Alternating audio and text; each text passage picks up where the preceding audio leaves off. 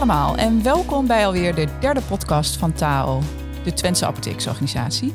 Bij onze organisatie zijn bijna 70 apotheken aangesloten, waar 125 apothekers samenwerken met ruim 700 medewerkers, waaronder apothekersassistentes, bezorgers, schoonmakers en ondersteunend medewerkers. TAO leeft en we vinden het vooral belangrijk om ervoor te zorgen dat het apothekersvak en het apothekersassistentensvak zich in de goede richting blijft ontwikkelen, zowel in Twente, maar ook uh, landelijk. Ik ben Lisette Darman en mede namens Erik Meijnart, beide zijn wij apotheker en bestuurder bij TAO, heet ik u van harte welkom bij deze podcast van TAO. En deze podcast moet ervoor zorgen dat onze stem wordt gehoord. Uiteraard onder alle apothekercollega's in Nederland, eh, maar ook bij iedereen die zich betrokken voelt uh, bij ons vak. En daarmee zeker ook een van de belangrijkste beroepsgroepen binnen de openbare farmacie. En dat zijn de apothekersassistentes. en dus we zijn ook heel blij dat vandaag in onze studio twee apothekersassistenten aanwezig zijn. We gaan het hebben over het apothekersvak, want dat verkeert in groot gevaar. En er zijn verschillende bedreigingen die het vak uh, blijvend kunnen beschadigen. En in deze podcast proberen we met z'n allen duidelijk te maken uit welke hoeken die gevaren nou precies komen en wat we tegen kunnen doen. En de actiegroep Wij slikken het niet langer kon natuurlijk niet ontbreken. Dus die hebben wij gevraagd om vandaag bij ons aanwezig te zijn. Om aandacht te vragen voor de huidige situatie. En bij ons in de studio zijn vandaag Desiree Wijgman en Hetty Roelofs. Zij zijn beide ambassadeurs van deze actiegroep. Fijn dat jullie er zijn, dames. Desiree, als ik jullie mag vragen, hoe hoog is de nood eigenlijk? Die is vrij hoog. Um, naar aanleiding eigenlijk van al jarenlange kaalslag uh, zijn wij uh, met elkaar om tafel gaan zitten. En we zien dat de kwetsbare patiënt, ja, dat daar steeds meer zorgen om zijn. En wij zien wat er aan de balie gebeurt, waar alles samenkomt van, qua regelgeving en besluiten door overheid, zorgverzekeraars en alle partijen. En dat, dat doet geen goed. Uh, de apotheek wordt een beetje afgebroken en daar, is, daar wordt toch de patiënt de dupe van. En jij zegt kaalslag, want jullie zijn allebei, begrijp ik, al lang in de openbare apotheek actief. Klopt. Goed op een meer dan 30 jaar. Nou, dan heb je wel een track record opgebouwd. Ja. Dan kun je ook kaalslag denk ik beoordelen. Als je definitie van kaalslag, uh, hoe zou je dat willen hoe zou je dat willen omschrijven? Hoe zouden jullie dat nou. willen omschrijven? Ja, zelf heb ik zoiets, de uitholling van het vak. Uh, het wegnemen van bijvoorbeeld de hulpmiddelen uit de openbare apotheken. Uh, die mogen niet meer geleverd worden door ons. Uh, met alle gevolgen van dien voor onze patiënten. Met name ook de kwetsbare patiënt, maar überhaupt. ze moeten bij diverse loketten aankloppen om aan hun spullen te komen. Uh, dat wordt vaak voor minimaal drie maanden geleverd. En nou, dan hebben we het ook nog eens over duurzaamheid en dat soort zaken. Maar in eerste instantie gaat het ons aan het hart dat die toegankelijkheid en die laagdrempeligheid van de farmaceutische zorg, die in Nederland ook van een goede kwaliteit is, dat die gewoon afneemt en dat de dreiging er is dat de openbare apotheek uit de wijk gaat verdwijnen. En ja, dat, dat baart ons zorgen. Wij willen er zijn voor die patiënt. En gaat die verdwijnen, die openbare apotheek? Als we niets doen en het gaat zoals het nu gaat, dan is het een reële dreiging dat die gaat verdwijnen. Oké, en hoe zetten jullie je als actiegroep uh, hiervoor in? Wij proberen natuurlijk ook onze collega's uh, zoveel mogelijk erbij te betrekken. Bewustwording. En ook bij de uh, apothekers, bij de patiënten en ook mede eh, zorgverleners, eh, huisartsen, thuiszorg, die zijn natuurlijk ook heel veel betrokken bij de patiënten. En het is heel belangrijk dat zij ook goed op de hoogte zijn wat er allemaal speelt in de apotheek. Dat wij vaak bepaalde hulpmiddelen niet meer kunnen leveren, uh, diabetesmiddelen of verbandmiddelen. dat is voor hun ook heel erg belangrijk. zij kloppen vaak bij ons aan, terwijl wij het niet kunnen leveren en het via een andere instantie moet gaan. Ja. Erik, herken jij dat? Uh... Ja, nou dat herken ik zeker. En ik, had, ik schreef ook even een paar dingen op die ik ondertussen dan toch even terug wil laten komen. Dat herken ik zeker. Ik heb want... je niet geïntroduceerd trouwens, maar uh, Erik Meijnaert uiteraard, voorzitter oh ja, van Taal. De luisteraars kijk, Erik Meijnaert. nee, Ga dankjewel Lisette, dankjewel. Uh, nee, dat herken ik zeker. en het beste werkt altijd voorbeelden. En inderdaad, zeker die kaalslag bij de kunst en hulpmiddelen is daar een heel mooi voorbeeld van. Want jullie schetsen het zelf ook al even. We hebben het op landelijk niveau ook met een aantal partijen er al over dat er eigenlijk een verandering moet komen. Want wat je nu ziet, maar dat herkennen jullie denk ik acuut, is dat je met mensen bijvoorbeeld palliatieve zorg, maar spoedzorg, kunst en hulpmiddelen, eh, katheters, et cetera, kan men bij die apotheek niet meer terecht. Maar het is vrijdagmiddag Klopt. en die directleverancier levert helemaal niks op vrijdagmiddag. Of er komt een absurd tarief aan te hangen waar weer een busje speciaal voor moet gaan rijden. Hoe Zo duurzaam en alle en kostenbeheersing, maar dat terzijde. En toch gaan wij het als apotheek oplossen. Want je Ja. kent de familie, je kent de mensen, je kent de arts. Je hebt het probleem dat je daar die patiënt of die familie hebt staan van, van die eh, op dat moment een van die familieleden in een palliatieve situatie zit. En wij lossen het weer op. We krijgen er niks voor vergoed. Proberen we rekening te sturen, hebben we heel veel discussie.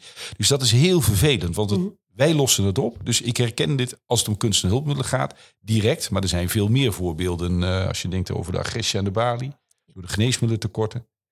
Dus in die zin is het mooi dat jullie ook vanuit de beroepsgroep apothekersassistenten daar nu aandacht voor vragen. En jullie hebben het over bewustwording.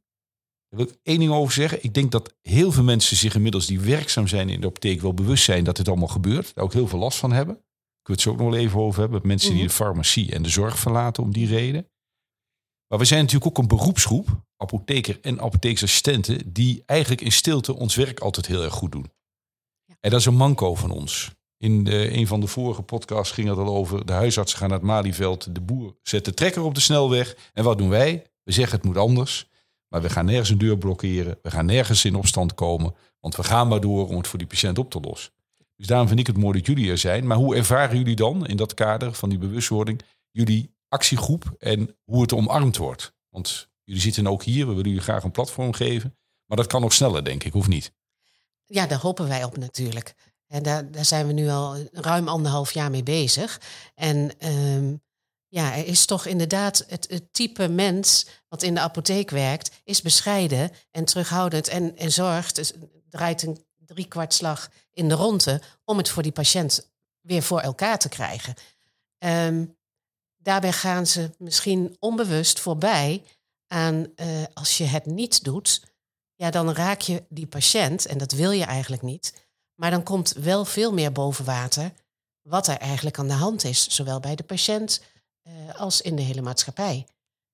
En inderdaad, wat u al net zei van eh, palliatieve zorg. We hebben een prachtig PharmaBuddy-project. Hè, Dat is dat er twee vaste assistentes op een ehm, eh, patiënt staan en de mantelzorg en familie daaromheen. Waarbij eh, een direct contact is. Die nemen heel veel zorgen en stress uit handen. Is er een recept nodig? Is er dit nodig? Is er dat nodig? En de helft mag je niet meer meegeven, omdat het niet meer door ons geleverd mag worden. En da dat, daar willen wij een halt toe roepen. Ja. Kijk, dat er internet is en, eh, en de openbare apotheek, dat is een gegeven. En daar moet je ook best samen een weg in vinden. Maar dat je de ene uitsluit, ja, dat, dat heeft heel Ja. veel negatieve gevolgen voor onze patiënten. En wat, wat, eh, je noemt nu een aantal voorbeelden. Ik ben benieuwd, wat doet dat nu eh, precies met jullie als apotheeksassistent? Wat doet het met je dat, je, hè, dat het nou allemaal... eh, Het, het raakt ons als assistenten. Dit is niet waar, waarvoor wij eh, dit vak eh, uitoefenen.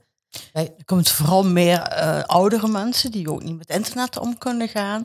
En dat is eigenlijk best wel zorgelijk. Want je, je wil juist die patiënten heel erg helpen. Maar die kunnen straks misschien niet meer geholpen worden als de apotheek de wijk uitgaat. En dat, dat zouden wij graag willen voorkomen. Ja. Dat die apotheek Ja. juist Ja. uit de wijk gaat. En Want straks kun je de oudere mensen niet meer En ten dienste zijn. En wij als apothekersassistenten en ook de apothekers, die willen juist heel graag die patiënt ja, raakt jullie Ja. in jullie zorgverlenershart, Ja, eh, wij- zeg maar. ja, heel erg. Wij willen die waardevolle schakel eh, blijven. En, en, en die zijn we al, maar die willen we ook blijven in die eerste lijnsketen. Korte lijnen met thuiszorg, met huisartsen. Je wisselt uit. Je bent er heel snel voor die patiënt. Zeker gezien hoe het in de maatschappij ontwikkelt. Eh bejaardentehuizen zijn weg. Verpleegtehuizen moet je alleen op indicatie. Ja. Mensen moeten langer thuis blijven wonen. Eh, maar ook de thuiszorg. En, en kijk, dat we met z'n allen ehm, die, die zorg betaalbaar moeten houden, dat is logisch. Mhm. Maar ga dan met elkaar het gesprek aan en luister niet eh, om alleen maar te kunnen reageren, maar luister ook om samen eh, iets te kunnen eh, vormen waardoor we verder komen voor onze patiënten. Nou, ik vind het wel heel mooi dat je dit zegt. Uh, en ik heb goed nieuws als het gaat om palliatieve zorg. Want in een van onze vorige podcasts hadden wij een online aanbieder. En die zei, nee, dat doen wij niet, want dat kunnen wij niet. Dus dan gaat het weer terug naar de lokale apotheek. Dus daar zit, ja, ik doe het een beetje cynisch is het, hè. Dus uh, er zit in ieder geval een beetje verdienmodel voor die openbare apotheek met apotheker en apotheeksassistenten. Maar dat geeft ook gelijk de kwetsbaarheid wat voor model aan. Maar je geeft ook heel duidelijk aan met PharmaBuddy bijvoorbeeld, en zo zijn er wat meer te geven. Ja. Dat de zorg om die patiënt lokaal zo ongelooflijk belangrijk is en dat we daarin moeten blijven investeren. En wat jullie ook aangeven, de verschuiving inderdaad van extramuraal naar, of van intra naar extramuraal, die zegt gigantisch de komende tien jaar. En de vergrijzing zet ook heel hard door. Hè? Ja. 2020 1,4 miljoen mensen 75 jaar en ouder. 2040 zijn dat er 2,5 miljoen. En die moeten allemaal thuis blijven wonen. Die moeten allemaal zorg dicht bij huis krijgen. Dus dat zijn allemaal argumenten om ervoor te zorgen dat we een goede infrastructuur houden. Waar we goede zorg dicht om die mensen heen leveren. Ja, dat zijn allemaal hartstikke mooie argumenten. Volgens mij zijn we het allemaal hartstikke met elkaar eens. Hoe hebben we dit in godsnaam kunnen laten gebeuren? Dat is een goede Ja. vraag. Jullie draaien langer mee dan ik. Nou ja, ik denk dat, dat er al is, eh, eh, dat het al is aangegeven aan de tafels. eh, vanaf dag één van het preventiebeleid, noem ik dan maar even. Hè, dat is ruim tien jaar geleden. En ehm, de, de uitvoering van de marktwerking, ja, daar kun je vragen over stellen. Met name de marktwerking in de zorg. Dat er marktwerking moet zijn, dat, beta- dat het betaalbaar moet blijven. Dat snappen wij ook wel. En dat met de maatschappelijke ontwikkelingen je apotheek ook gaat veranderen, is ook zo. Wij zijn ook. eh, wij werken ook al enige jaren hybride. Ook bij ons kun je via internet recepten aanvragen. Je kunt ook naar de apotheek komen. Je kunt het eh, thuis laten bezorgen. Je kunt het via de 24 uur afhaalkast. Je kunt in de apotheek komen. We kunnen op huisbezoek komen. Vele mogelijkheden. Ehm, maak daar gebruik van, denk ik dan. Eh, ook, u noemde het voorbeeld van de, met name de palliatieve zorg. Maar ook de innovatie van, van nieuwe medicijnen. Daar zie je toch vaak dat dat eh, niet voldoende beschikbaar is. Met name voor de kwetsbare patiënten. En dan noem ik als voorbeeld eh, een reuma-patiënt die eh, vergroeide handen heeft, waarvoor een, een prachtige eh, voorgevulde pen met een medicijn is ontwikkeld, zodat hij zijn zelfstandigheid kan bewaren, zodat er niet extra thuiszorg hoeft te komen. Nou, die zijn dan eh, een paar cent duurder dan een losse spuit en naald. En als dan besloten wordt door een zorgverzekeraar, ja, het moet met die losse spuit en naald, eh, omdat dat goedkoper is, Ja. Da- dat is zo. Maar kijk door naar de lange termijn en niet altijd maar kort vooruit. Want dan moet er ook weer thuiszorg ingevlogen worden voor die patiënt. Die is meer aan huis gekluisterd. Daar kost het extra geld. Eh, kunnen jullie iets concreter zijn over eh, de acties die jullie op dit moment uitzetten? Hè? Als je denkt naar de luisteraars van deze podcast, wat kunnen die eigenlijk de komende maanden gaan verwachten van jullie? Wat gaan we doen? Nou, eh, we- wat, waar we nu al mee bezig zijn, is eigenlijk het ontwikkelen van eh, iets voor de patiënt. eh, waardoor de patiënt aan kan geven eh, hoe die de, zorg ervaart en wat er allemaal gaande is, ook eh, richting zorgverzekeraar. Zodat we ook die link gaan leggen. En ja, daar zijn we nu heel hard mee aan het werken in onze vrije tijd. Spaarzame uurtjes.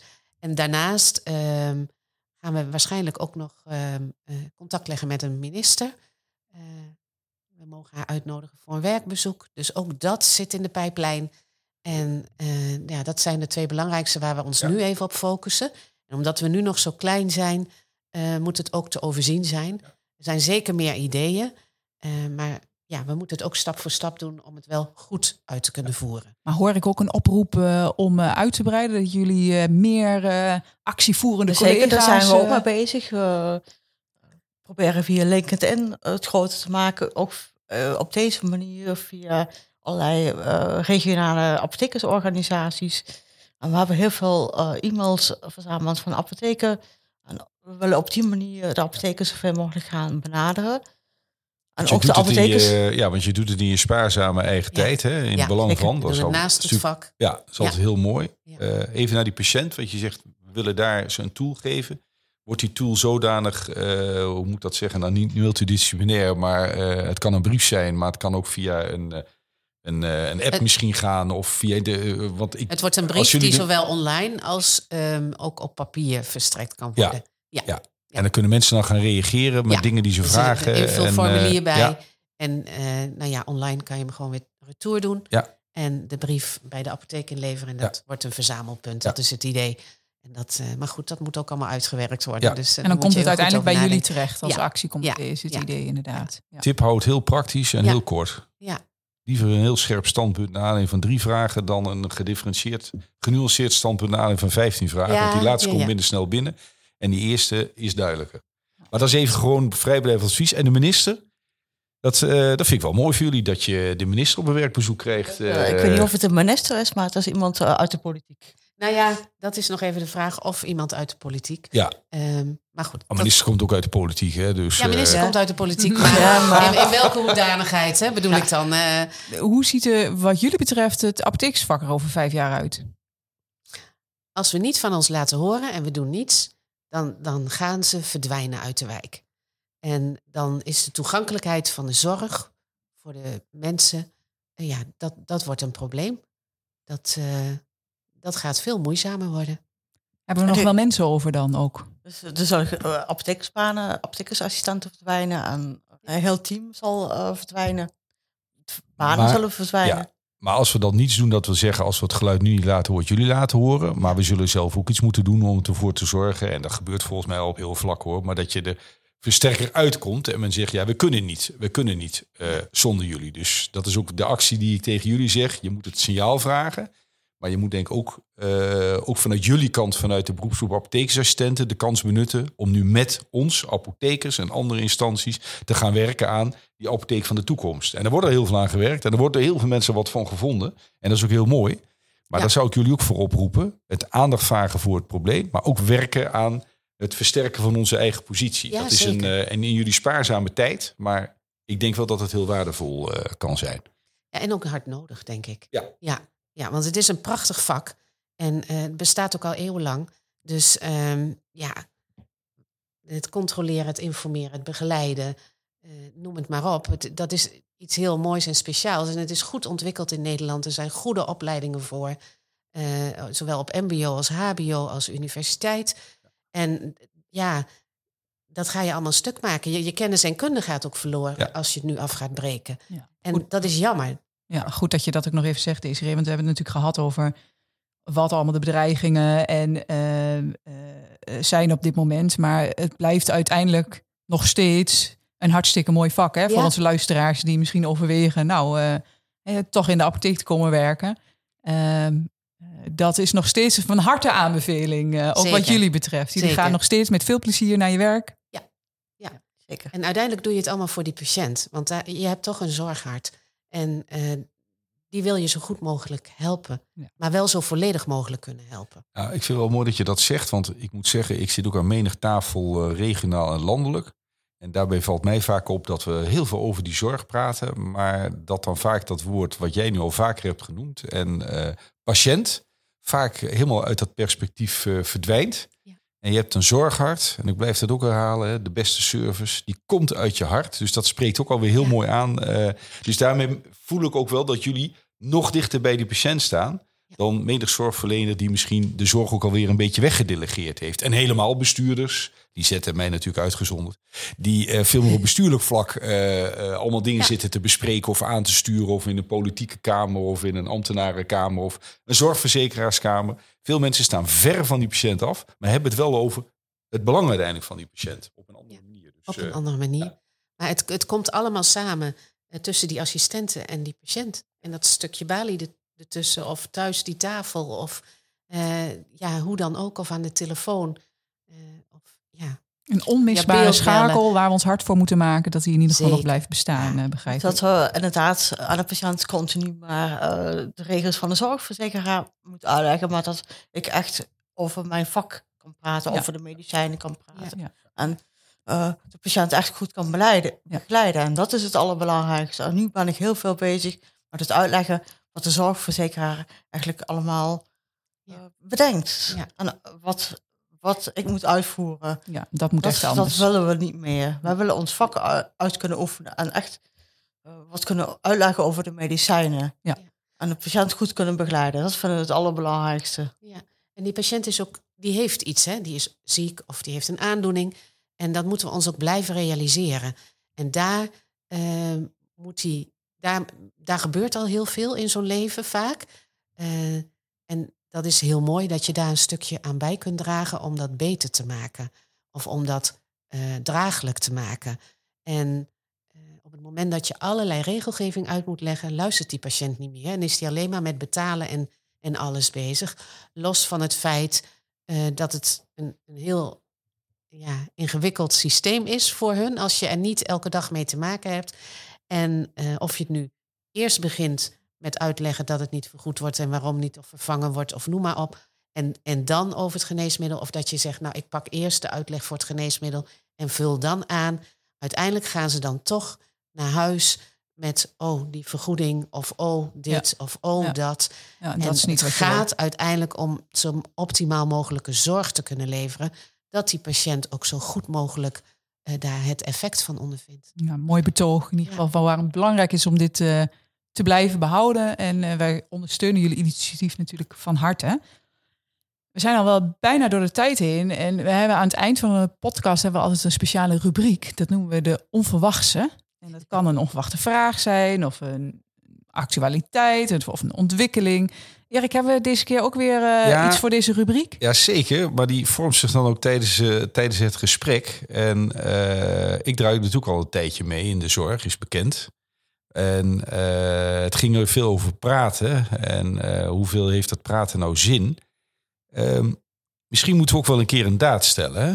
En als ik hoor en ik zie in de apotheek en jullie bevestigen dat. En ik voel jullie enorme drang. En dat vind ik heel mooi dat jullie dat nou eens uit je vak zeggen. Van het leveren van die zorg, het contact met die patiënt, het één op één met de huisarts, de doktersassistent, thuiszorg, bla bla, allemaal. En ik wil die discussie in die balie kwijt. Dan moeten wij volgens mij gewoon één ding doen per 1 januari. Gewoon namelijk geen contract meer sluiten met verzekeraars. En gewoon iedereen op contant zetten. Dan, en daar gaan we slimme module voor verzinnen. Dat doen de tandarts ook. Jij krijgt helemaal geen rekening van die tandarts. Ja, dat gaat allemaal automatisch via zo'n incassobureau. En dat zetten we er gewoon tussen. Dus die patiënt die komt bij jou voor een product. Die weet, ik moet dat betalen. Maar dat gaat via een tussenpartij. En dan gaat gewoon naar die verzekeraar. En laat de verzekeraar het lekker uitzoeken met die patiënt. Zou dat een mooi initiatief zijn? Het is maar een open vraag. Maar hoe zou je er tegenaan kijken? Dan heb je geen discussie meer over prijs. Je hebt geen discussie meer over het middel wat vervangen moet worden. Je doet gewoon eh, wat je liefst zou willen doen. Namelijk dat afleveren. Ook wat die patiënt fijn vindt om te ontvangen. Dus je maakt de patiënt blij. Je kunt het hebben over zorg. En je hebt het niet meer over declaratie. Niet meer over wat vergoed wordt. Niet meer wat er niet is. Je bent er gewoon vanaf. En we zetten er een factureerde tussen. Zegt u tegen de patiënt. Kost u geen tijd. Lossen we allemaal op voor u. Tandartsen doen het ook. Daar gaat het voor u ook zo. Zou dat een, is dat niet een hele mooie per 1 januari? Is dat een leuk om... Wat vinden jullie ervan? Jullie zijn een actiegroep. Dus ik roep jullie nu op tot actie. Ik Moeten we hiervoor dat- gaan ik- ik denk- pleiten? Ik denk niet dat we dan de zorgmiddelen of de verbandmiddelen en de in- eh, incontinentiematerialen en dergelijke krijgen we daarmee niet eh, in de apotheek terug. Nee, oké, maar je lost misschien wel het probleem in je balie op. Wat jij net zelf zei, dat je het loopt te discussiëren over... dit wordt niet vergoed, hier moet u bijbetalen, hier moet u Ja. dit... Laat lekker die klantafdeling van die verzekeraar die discussie voeren. Want het is zijn polis die die verstrekt in die patiënt. Dat Ja. zou Wij een verstrekken prima die idee polis niet. zijn, maar Dan ben je er vanaf. maar dan heb je nog wel een aantal andere bijzaken. Ja, maar je- niet veel in problemen denken nu even. Het is, Ja. eh, weer- ik, ik vraag, zou het, een- zou, Het het is, jullie, eh, zou het ons helpen met elkaar? We stellen het is- inderdaad, al doen we het maar een week, hè? Het is zeker een heel aanlokkelijk idee. En daar zit ook zeker wel eh, een aantal dingen in die, die heel goed kunnen werken voor ons om wat minder eh, eh, dat gemor aan die balie ja, niet meer te hebben. Dus als wij dit ook voor zouden de patiënt gaan... zou het fijn zijn dat het gewoon weer gaat over waar het om moet gaan, waarom hij een medicijn krijgt hè, en hoe hij dat het beste, hij of zij dat het beste kan gebruiken. Alleen, ik vraag me ook af, ik heb dat ook heel lang gedacht, zoals u het stelt, totdat iemand tegen mij zei: Oké, misschien zitten de zorgverzekeraars daar wel op te wachten, want dan kunnen ze ons helemaal wegdoen. Nou, dat vraagt mij af. Want ik denk als wij dit één week En dan doen... gaan ze gewoon met eh, internetpartijen verder. Ja, nou, daar geloof ik echt helemaal niks van. en Nee, dat ik, ik kunnen ze ook niet. Maar dat, dat, die spiegel En- werd me voorgehouden. Toen dacht ik, ja, je moet het natuurlijk wel van Ja, meerdere dat- kanten bekijken. Dat is de spiegel van de angst. Hè? En de angst zal de slechte Ja, de raadgever. slechte En ik zou je zeggen, als je het één week doet... dan liggen alle zorgverzekeraars in Nederland plat. Want dan moeten ze in één Ja. keer administratief... van miljoenen mensen de factuur gaan afvallen. Dat kunnen ze helemaal niet. En nogmaals, verzekeraars praten graag ook constructief met jullie. Maar dat zeg ik even in deze podcast. Maar even ook om jullie aan te geven... Kan het zover komen dat je denkt, ik ben er echt klaar mee. Dit gaan we gewoon doen. Zou dat kunnen? Is het, staat het water zo in de lippen en denk ja, dit zouden we kunnen of moeten doen. Maar goed, mijn, uh, mijn vraag loopt te veel uit de hand volgens mij. Ik zie Lisette heel bedenkt naar me kijken voor de luisteraars thuis. Nou, ik denk dat we hier nog wel een aparte podcast over kunnen dat maken. Denk ik eigenlijk denk dat we hier heel lang over kunnen discussiëren. Ja. maar dus ik constateer in ieder geval dat het wat aangewakkerd heeft. Zeker. Um, maar inderdaad, ik uh, wil eigenlijk naar de afronding uh, gaan. Dus dat had je goed gezien, uh, Erik. Want het zit er alweer op, deze podcast. Um, Desiree en Hetty, initiatiefnemers van de actiegroep Wij slikken het niet langer, wil ik hartelijk danken. Mede als ook Erik, voorzitter van de Twentse Apotheeksorganisatie. Bedankt dat jullie hier aanwezig wilden zijn. Nogmaals, wij ondersteunen jullie initiatief van harte. Um, mijn naam is Lisette Darman en samen met Erik spreek ik u binnenkort graag weer in de volgende podcast van Taal. Graag tot dan.